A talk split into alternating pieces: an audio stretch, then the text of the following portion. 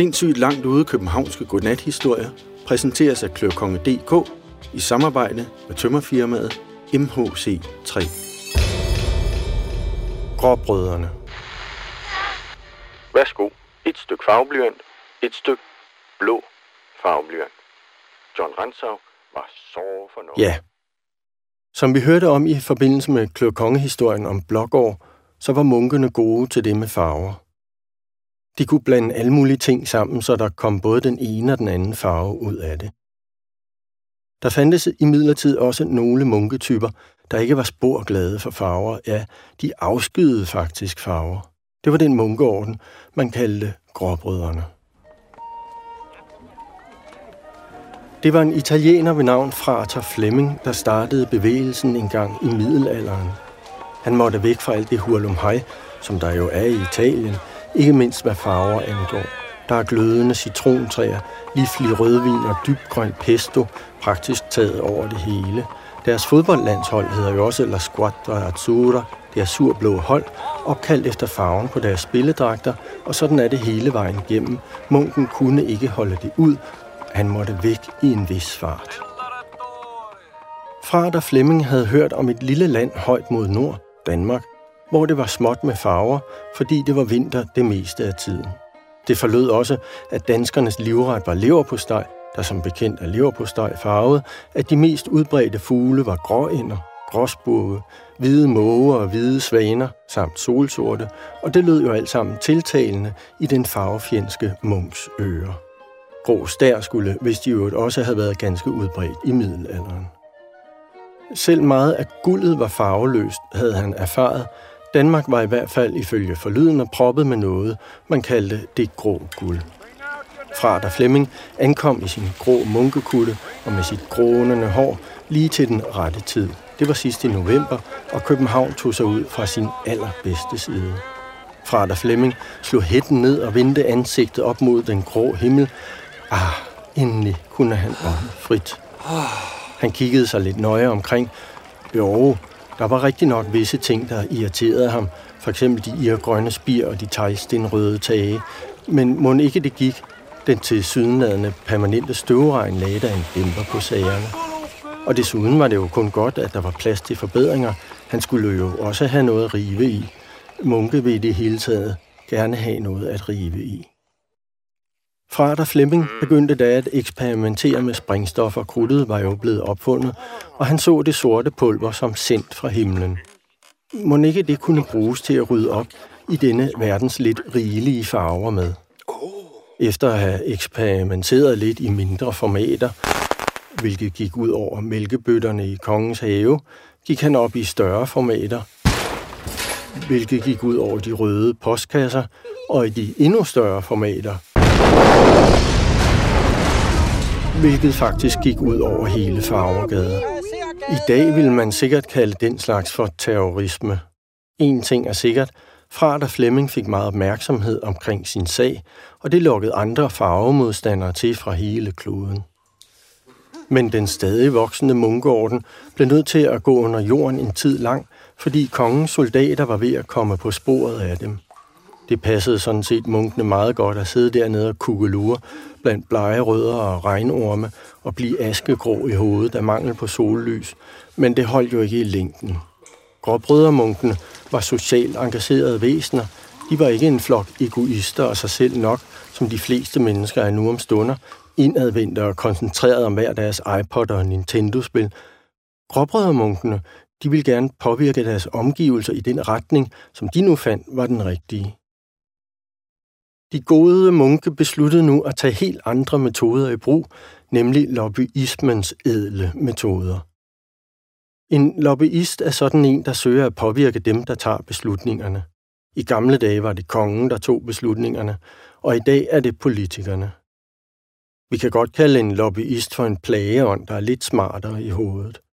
Men lad os da for pædagogikkens skyld prøve at høre, hvad der egentlig adskiller en lobbyist fra en plageånd. Mor, må jeg, må, må jeg ikke få en is? Nej! Jamen, jeg vil have en is! Du får ikke nogen is! Jamen, det vil... Au! Du får ikke... Ja, som man kan høre, fik plageånden ikke noget som helst ud af sit plageri, ud over snitsår i panden. Men lad os nu høre, hvordan lobbyisten griber sagen an. Mor, mm-hmm. skal jeg ikke lige tænde fryseren for øh, kalorieholdige produkter? Hvad er det, du siger, knæk? Nå, men det er bare fordi, at far siger, at det ville være godt, hvis der var øh, færre øh, nemt tilgængelige kalorier i huset. Det var da noget mærkeligt noget at sige. Ja, det synes jeg egentlig også. Synes? Synes han... Helt ærligt, Kofod, synes du, din mor er for tyk? Øh, nej, det har jeg ikke nogen mening om. Ja, ja, du er nu en god dreng. Men ja, det kan da godt være. Ved du hvad, lille Kofod? Hvad med, om du tog fløderanden og isene, og hvad der ellers ligger og flyder i den dumme fryser, og så herut, ja, alt det giftige stag. Vil du godt hjælpe din mor med det? Øh, jo, jo, det kan jeg godt. Se, sådan en lille udspekuleret fedterøv kan snilt vokse op og blive til en god lobbyist, når han bliver voksen.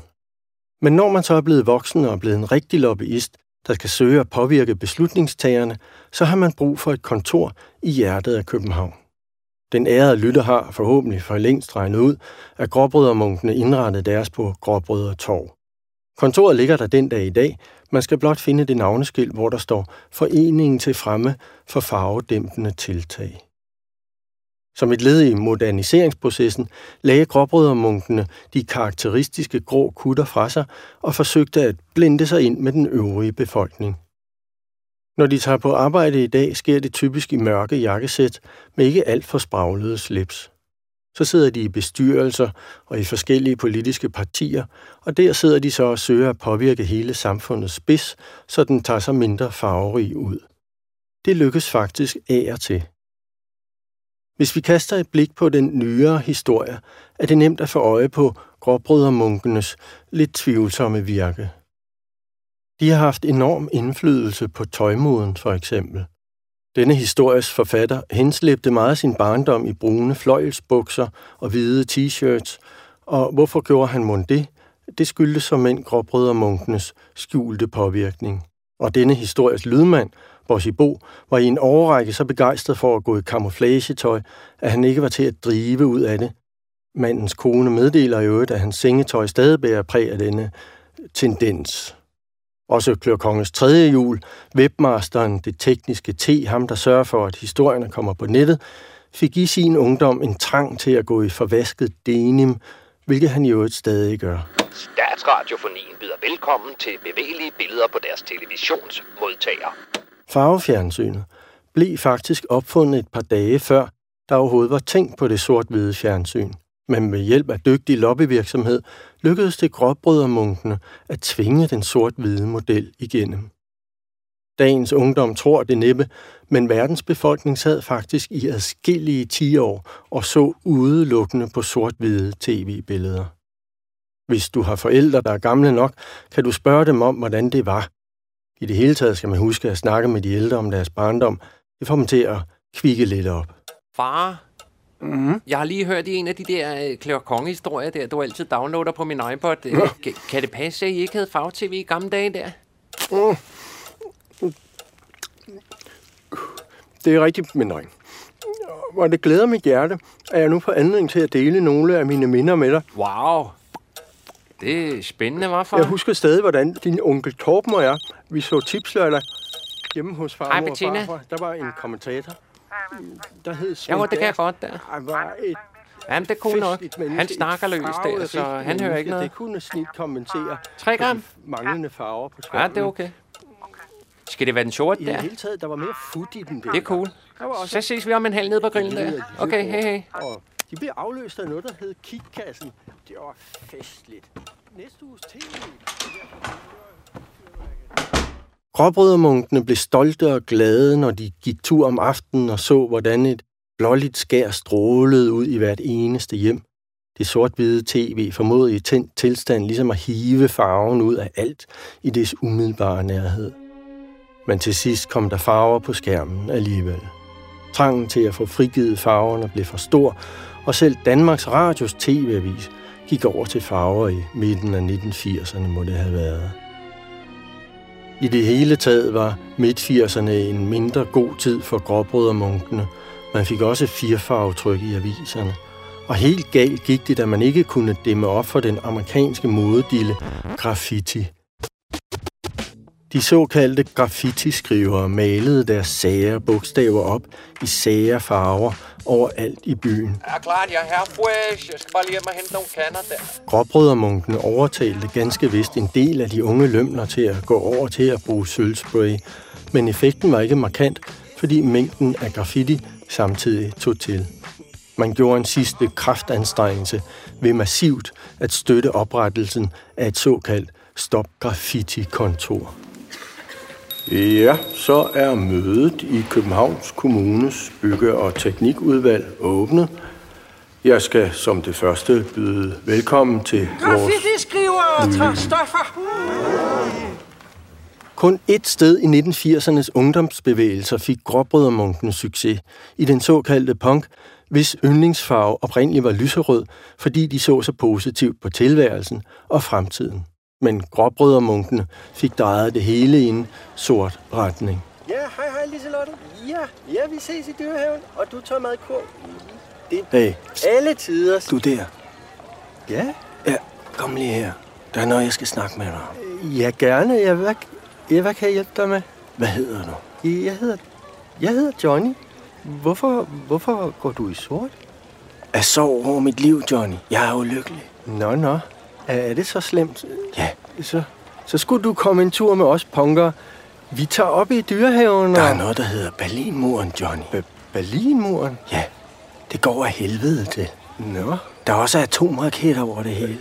nå, åh. Er, er, det, er, Nej, ikke nede i Storkespringvand. Alle mulige andre steder.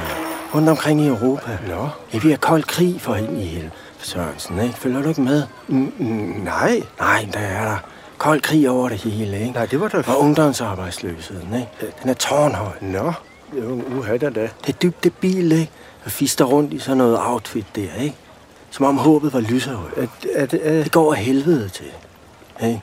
Her er noget sort kluns, ikke? Og tag noget sort læbestift, ikke? nej, nej, sort, sort læbestift. Ej, hvor sej. Ej, tusind, tusind tak. Sådan, min ven. Ja, Ikke? Fra nu af, så er du så no future, okay? ja, no future, jeg er helt klar. Ja, på, på grund af det der. Ja, nemlig Berlinmuren, raketterne, ikke? Ja, ja, og, og, og ungdomsarbejdsløsheden. Nemlig, og ungdomsarbejdsløsheden, ikke? Ej, ja, ej, tak. Det er i orden, ikke? Spred nu budskabet, min ven. Er helt klar, er for søren. Ej, ej, ej, hej, hej venner. Hej, nu, I skal lige høre noget vildt. I skal, skal komme, I skal lige høre noget. Men punken døde jo også ud på et tidspunkt. Og da en af gråbrødrenes sidste bastioner faldt, den sort-hvide printer, gik munkeorden langsomt i opløsning. Enkelte munke afgik ligefrem ved døden, fordi farveudprint i amatørdesigneres hænder vidderlig er en hæslig ting. Den får fuld skrue med forskellige farvede bogstaver og copy-pastede tegninger af sommerfugle, hentet fra internettet. Opslagstavlen i et hvilket som helst supermarked blev omdannet til et fyrværkeri af dårlig smag, og når selv triste efterlysninger af bortløbende katte blev plastret til med fester og girlander på lyserødt papir, ja, så kan man vel nok regne ud, hvordan salgsannoncerne tog sig ud. Mange af de munke, der ikke døde af farvechok, når de gik i netto, blev lettere sindssyge, og de få tilbageblevende munke, der stadig var ved deres fulde fem, så ingen anden udvej end at fyre dem på godt papir. Man samlede de fyrede munke sammen i den grå hal, og man gav dem små grå at styrke sig på, mens de ventede på Grohenbussen. De så en film med Sofie Grobbel, mens de kørte mod Gråsten. Her ventede der en ny bus, som skulle køre dem ud i det krog. Mine damer og herrer, tak for i aften.